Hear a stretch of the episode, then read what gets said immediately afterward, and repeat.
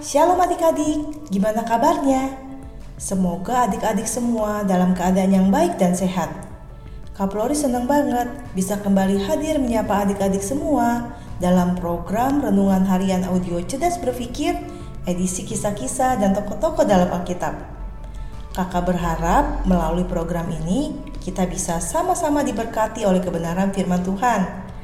Dan kalau adik-adik diberkati, Jangan lupa untuk membagikan audio renungan ini kepada yang lain supaya semakin banyak orang yang diberkati. Ngomong-ngomong, sudah lama juga ya kakak tidak membawakan edisi kisah-kisah dan tokoh-tokoh dalam Alkitab.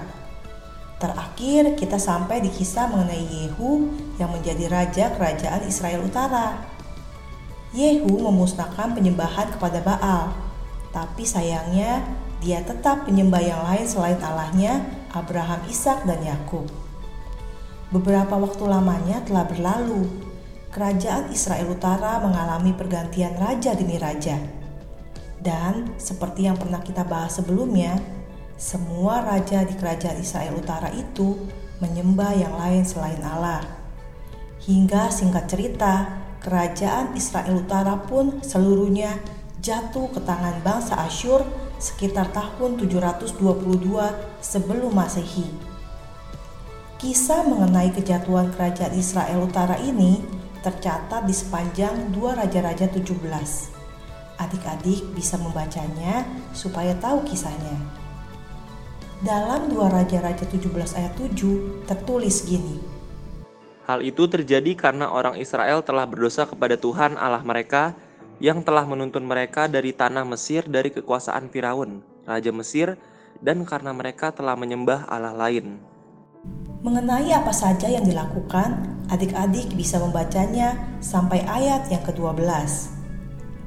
Selama itu, orang Israel bukannya tidak pernah dengar peringatan dari Tuhan. 2 Raja-Raja 17 ayat 13 sampai 14 mengisahkan gini. Tuhan telah memperingatkan kepada orang Israel dan kepada orang Yehuda dengan perantaraan semua nabi dan semua tukang tilik. Berbaliklah kamu daripada jalan-jalanmu yang jahat itu dan tetaplah ikuti segala perintah dan ketetapanku sesuai dengan segala undang-undang yang telah kuperintahkan kepada nenek moyangmu dan yang telah kusampaikan kepada mereka dengan perantaraan hamba-hambaku para nabi. Tetapi mereka tidak mau mendengarkan, melainkan mereka menegarkan tengkuknya seperti nenek moyangnya yang tidak percaya kepada Tuhan Allah mereka. Dan memang benar kan? Waktu itu ada Nabi Elia, ada Nabi Elisa, dan beberapa nabi lainnya yang memperingatkan supaya orang Israel bertobat. Tapi mereka tidak mau dikasih tahu. Dan akibatnya mereka ditaklukkan oleh kerajaan Asyur. Walaupun bangsa Israel adalah umat pilihan Tuhan di masa Alkitab Perjanjian Lama, tapi itu bukan berarti mereka jadi hidup tidak bertanggung jawab. Mereka harus menuruti perintah Tuhan dan menjaga diri dengan baik agar tidak tercemari oleh kelakuan buruk dari bangsa lain. Tapi mereka gagal karena mengabaikannya, dan itu yang membuat mereka takluk oleh bangsa lain. Nah, Kisah ini benar-benar kasih kita pelajaran yang sangat berharga dalam kehidupan kita sebagai umat perjanjian baru. Dalam 1 Petrus 2 ayat 9 tertulis gini.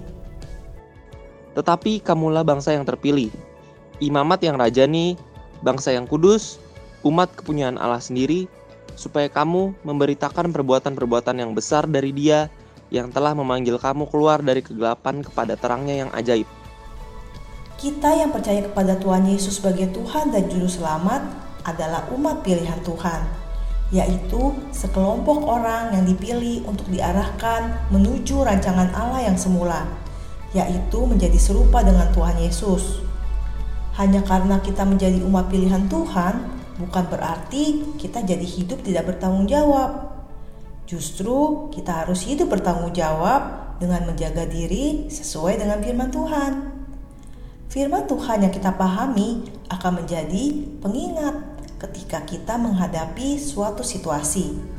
Dan kalau kita merasa bersalah karena telah melakukan suatu dosa atau kesalahan, segeralah minta ampun kepada Tuhan sambil berusaha untuk jadi lebih baik lagi.